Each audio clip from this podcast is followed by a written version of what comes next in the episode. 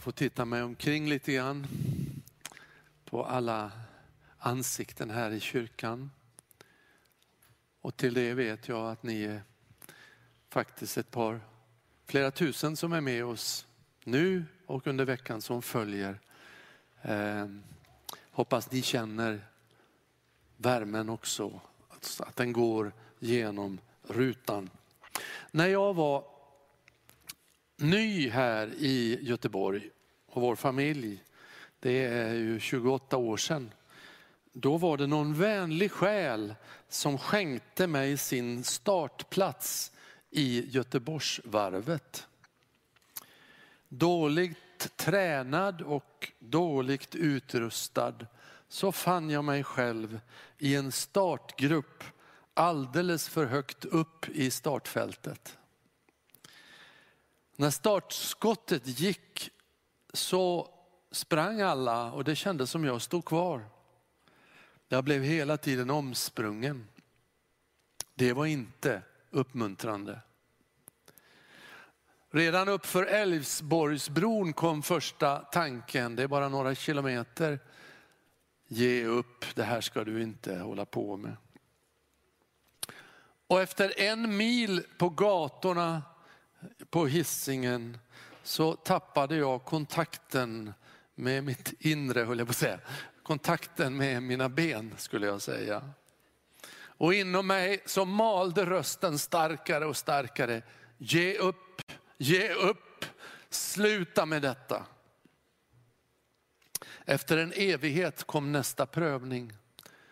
Göta älvbron. Lägre än Älvsborgsbron förvisso, men lika fullt backe upp.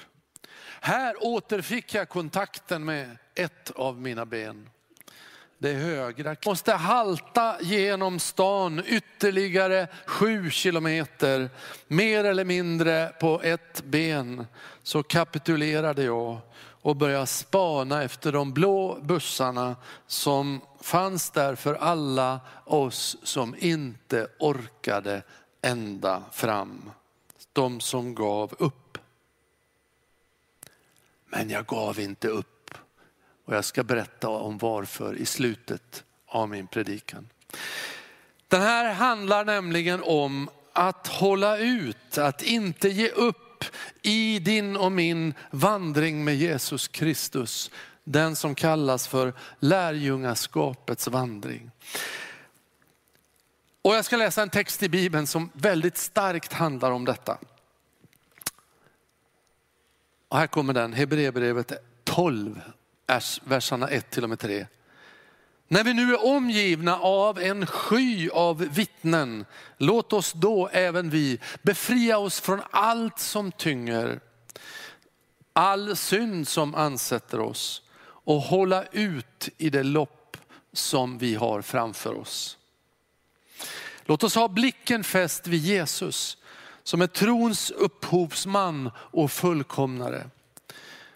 För att vinna den glädje som låg framför honom så uthärdade han korsets lidande utan att bry sig om skammen. Och han sitter nu till höger om Guds tron.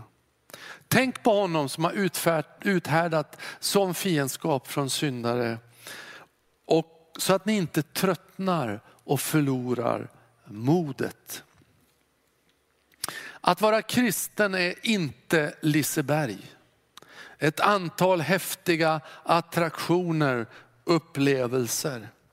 Det är mer Göteborgsvarvet. Det är ett långlopp. Det har en början och det har en fortsättning. Det har en final. Ett livslopp. Härifrån till evigheten. Det finns många texter i Bibeln som liknar livet vid, som troende vid ett lopp. Och den mest kända är ju Paulus som summerar hela sitt liv strax innan hans, han, jag har bevarat tron. Jag säger inte, lyssna nu, att kristet liv är ett enda långt lidande. Eh, bilden av mitt Göteborgsvarv haltar liksom jag gjorde. För det var ju för de flesta och är för de flesta eh, i långlopp, både i livet och eh, sådana där som man springer, många goda sträckor som är njutning. Man kommer upp på höjder och man har ett stort perspektiv, eh, en underbar utsikt. Ibland är det gemenskap och folkfest. Vissa sträckor känns det som man flyger fram. Men för alla så kommer det jobbiga uppförsbackar. Alla har att hantera en röst som säger, ge upp, det är bättre att inte kämpa mer, sluta. Så är det i det kristna livet också. Och du kanske är mitt i en sån här sträcka. Kanske har du varit det eh, under de här sex mycket, mycket märkliga månaderna.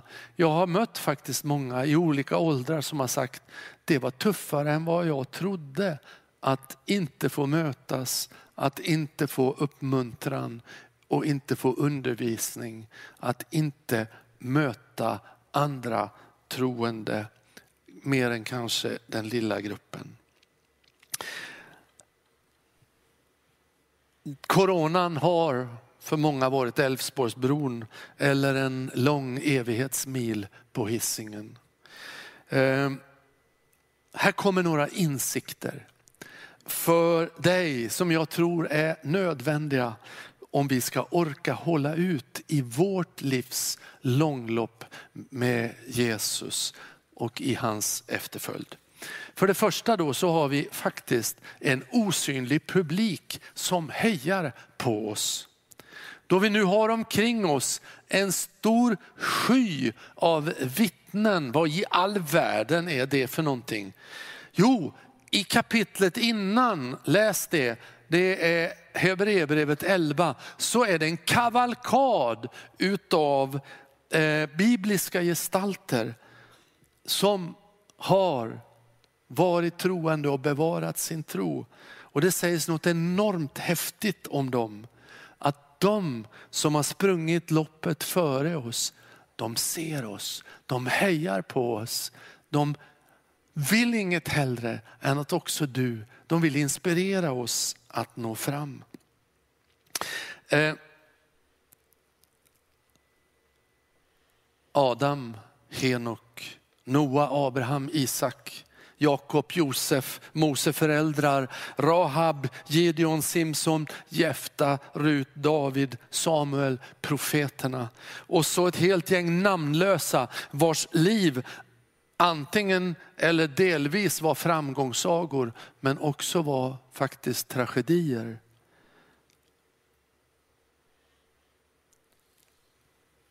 De höll fast i tron och de finns i det eviga. Det här är ett av de få ställen som öppnar för att de som finns på andra sidan i evigheten också kan följa oss. Och där vill jag vara tydlig och säga att jag tror inte ett dugg på att vi ska ägna oss åt att försöka ta kontakt med dem. Det leder ofta att vi blir lurade. Det finns andra makter där ute i den där onda världen som kan lura oss. Och det är inte det vi ska göra. Men åt andra hållet, åt andra hållet så kan det finnas en öppning för att de som har gått före är med och hejar på oss. Och eh, då är det en spännande tanke. Och det verkar vara bara liksom en moln, en sky som skiljer oss åt. Eh, det finns en dimension till närmare oss än vad vi tror. Så när din tro sviktar så är det kanske som Abraham ropar genom molnet. Så var det för mig också, men jag höll fast i tron hela vägen. När du har ett ledaransvar och tappat kompassriktning och modet och kanske fått en massa kritik emot dig så säger Mose genom dimman, jag vet verkligen att det är tufft att leda även Guds folk. Men Gud, han lovade mig att aldrig överge mig och han har lett mig så att jag också kan leda andra. När Miriam och David, han ropar till musikerna och sångarna i alla tider, sluta inte sjung till Herrens ära, för det öppnar Guds rike för, det, kom, det, det gör att Guds rike kommer till oss. Den första kyrkan ropar, det kostade oss livet, men det gav oss det eviga livet. Och genom kyrkohistorien är det fullt av, det är värt allt. Vi fick vara med och förändra vår historia och vi är så tacksamma över målet. Och bakom samma molnsky så tror jag det finns en här av änglar som också följer oss, hjälper högre upp så sitter en på Guds högra sida. Varför gör han det? Jo det står, han gör det för att han ber för oss, för att han vädjar för oss, han försvarar oss. Du är inte ensam i ditt lopp. Det finns en osynlig värld, god värld som följer dig och som stöder dig. Och himlen är mycket närmare än vad vi tror. För det andra så är vi inte ensamma här på jorden heller. Vi är på det vinnande laget. Vi bärs av en gemenskap, ett lag. Det står vi, det står oss, det står inte jag, jag, jag. Låt oss befria oss från vad som tynger. Låt oss hålla ut. Vi har sagt det så många gånger nu sedan vi fick öppna kyrkan för gemensamma gudstjänster här i centrum. Vad vi behöver varandra. Och vilken glädje det är att ha varandra. Alla faktiskt, man blir glad och se er. Vi har olika relationer, en del är nya ansikten, en del är, har vi känt länge. Men vi gläds så mycket. Ett av problemen med att jag höll på att ge upp den där gången, det var ju att jag sprang ensam. Jag hann inte ta reda på om det fanns några fler i mitt lag. Tänk om jag hade haft någon som sprang ungefär lika fort som jag och som stöttade mig lite bättre, som kunde kanske knuffa på uppför backarna. Tänk om jag hade vetat att vi var många och när snart ska vi mötas där i målet och glädjas över hur det gick för oss allihopa. Dessutom en hemlighet, det är vårt lag som kommer att vinna. Och jag ska berätta det om varför lite senare. Det korsmärkta laget. Laget som har satt Kristus på som sitt eh, lagmärke. Vi kommer faktiskt att vinna. Och nu låter det väldigt speciellt, men tack vare att vi kan bjuda in alla i det laget. Ja, det finns ett annat lag också. Ett lag från avgrunden som heter dödsrikets portar som vill förstöra vårt lopp. Men de kommer inte att besegra oss, säger Jesus. Gud vare tack som ger oss segern genom Jesus Kristus, vår Herre. För det tredje, vi bör lägga av oss allt det som hindrar. Jag har ju noterat vilken enorm disciplin dessa idrottsmän har. De eh, vet när de ska sova, de vet när de ska vakna. De vet vad man äter och vad man inte äter. De vet vad man dricker och vad man inte dricker. De vet hur man håller sig i form. De vet hur man tränar. De vet vad man sätter på sig för utrustning. Varför? Ja, det är för att det finns ett starkt why, ett starkt motiv. Det är ju inte för att det är så kul att vara disciplinerad, men det är ju så roligt att fullborda sina lopp att vinna, att utvecklas i det, eh, att, att nå fram. Det är ju så att vara kristen är inte att säga nej till allt som är roligt. Men jag har en liten livsmen, en mening, ett motto faktiskt. Om man verkligen ska ha roligt kan man inte ha som enda mål att ha roligt. Alltså Liseberg är ju roligt ibland. Men det duger ju inte att springa till Liseberg varenda helg. Då blir attraktionerna förfärliga. Det är som att, ni vet, att äta tårta jämt. Det funkar inte heller. Man måste ha ett större mål med livet än att ha roligt, än att det ska vara kul. Lärjunge heter att göra. Och att vara en lärjunge, det är alltid ett, har alltid ett mått av disciplin. Inte så att vi blir frälsta genom disciplin. Det är tron och nåden. Men att hålla ut i tron och hålla fast vid nåden, det kräver ett beslut, en viljeinriktning, en disciplin och det måste få betyda någonting i våra liv. Det måste få kosta någonting. Eh, särskilt synden stod det i den gamla översättningen. Så fort man kommer in på det ordet så ser ju folk ännu mer framför sig en massa obegripliga förbud. Det finns inte så mycket av den varan i Bibeln som vi tror. Därför att det finns ett motiv varför vi ska hålla oss ifrån en del saker. Det är just det att de förstör möjligheterna för oss att fullfölja våra lopp eller försämra dem kraftigt. Eh, en idrottsman vet ju ofta. Och det var så när jag sprang där också. Jag märkte ju att jag hade dåliga skor och, och kläderna eh, smet åt så det började skava och min träning hade varit dålig. Och det var ett antal saker som jag tänkte, jag ångrade faktiskt lite innan. Och vi vet ofta vad det är som hindrar oss. Har man börjat följa Jesus så vet man någonstans inombords att det där är inte bra. Och jag ska inte ge en massa exempel, för det är bättre att du tänker själv Eh, här. Eh, man kan springa, man kan hindras, bromsas och man kan hamna vid sidan om banan. Till och med börja springa åt fel håll. Synd kan översättas att missa målet. Låt oss befria oss från allt som får oss att missa målet. Låt mig ge fyra förhållningssätt till det som vi talar om nu, till synd. Nummer ett, låt oss göra som Gud, glömma det som är förlåtet. Låt oss inte släpa på en ryggsäck av gammal unken skam och skuld för det som vi har överlämnat och bekänt inför Gud. Det är någon annan, det är han med dödsrikets portar som hänger sådana såna grejer på dig. Är du förlåten så har Gud glömt. Spring lätt med lätta steg. Nummer två, låt oss undvika frestelser till synd.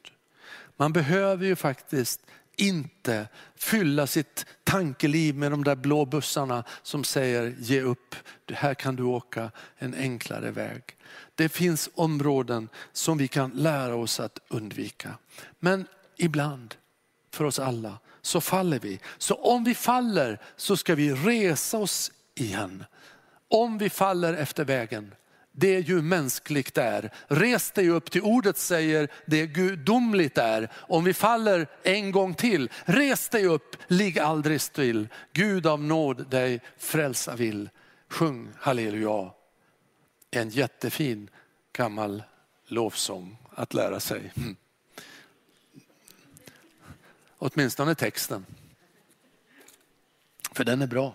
Kalle Öst hette han. För det fjärde, vi har segraren i loppet i vårt lag. Jesus står det. Han var trons upphovsman och fullbordare. Han var den första som han sprang och sprang och vann och segrade. Vad är det som det betyder? Att vi ska se på honom vi ska inspireras av honom. Vi ska fokusera på honom. Han som inte gav upp när motståndet blev värre. Han gav inte upp i ett semane, inte när han förråddes, inte när han blev falskt anklagad, inte när han torterades, inte när han missförstods, inte när han blev övergiven. Till och med av sina allra närmaste.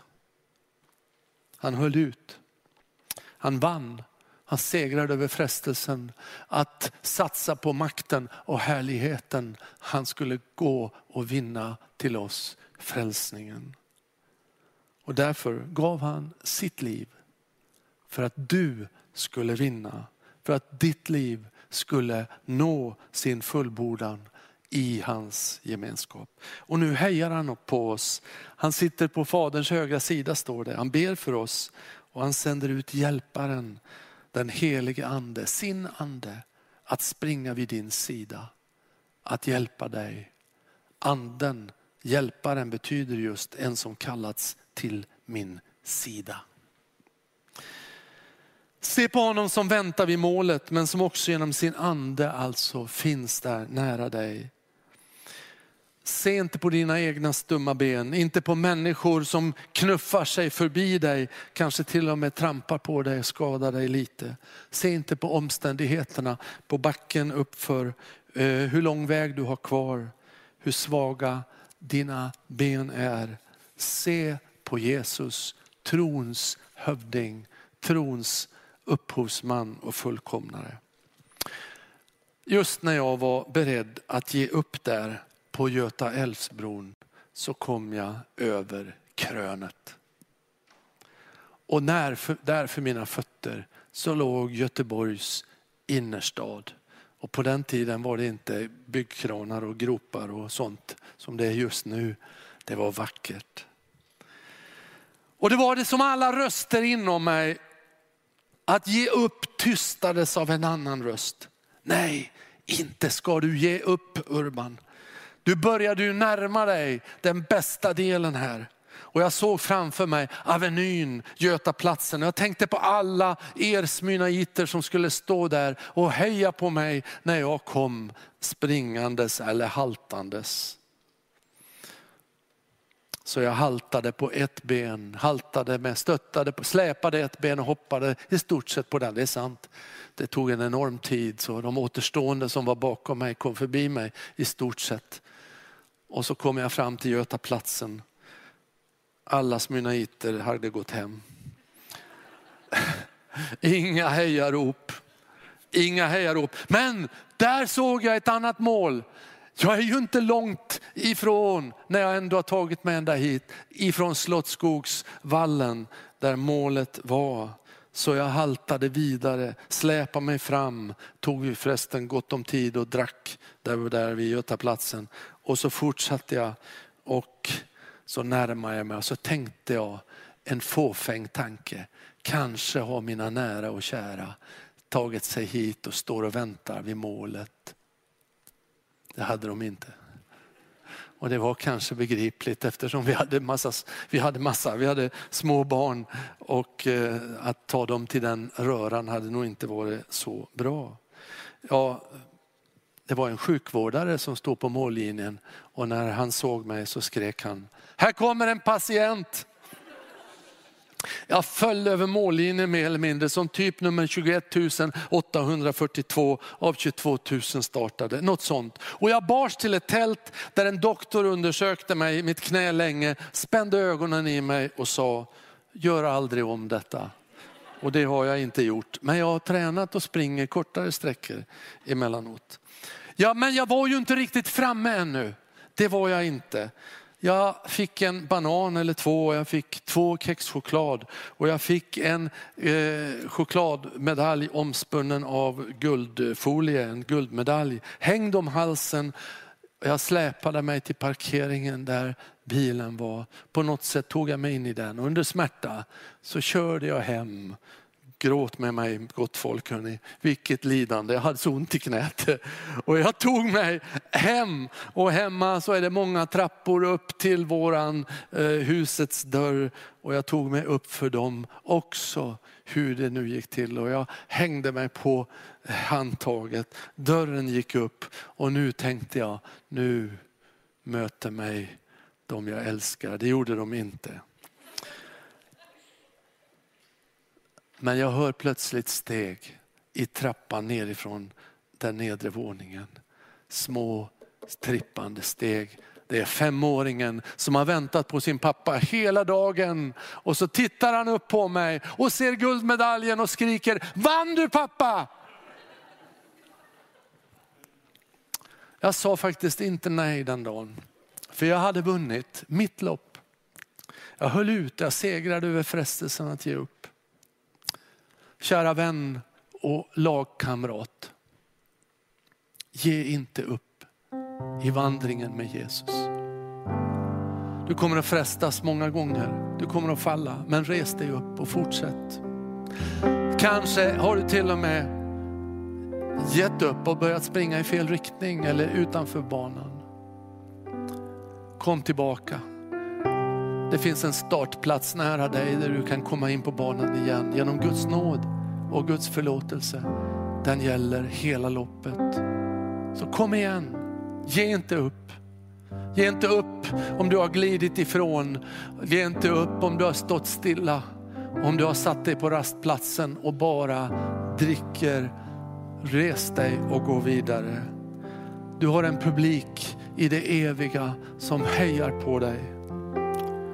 Du har en hjälpare vid din sida som viskar, gå vidare, som ger dig kraft.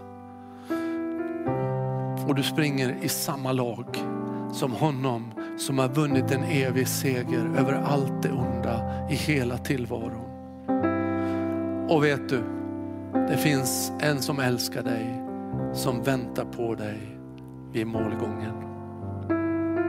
För Guds skull, för allt i världen, ge inte upp. Herre, jag ber dig.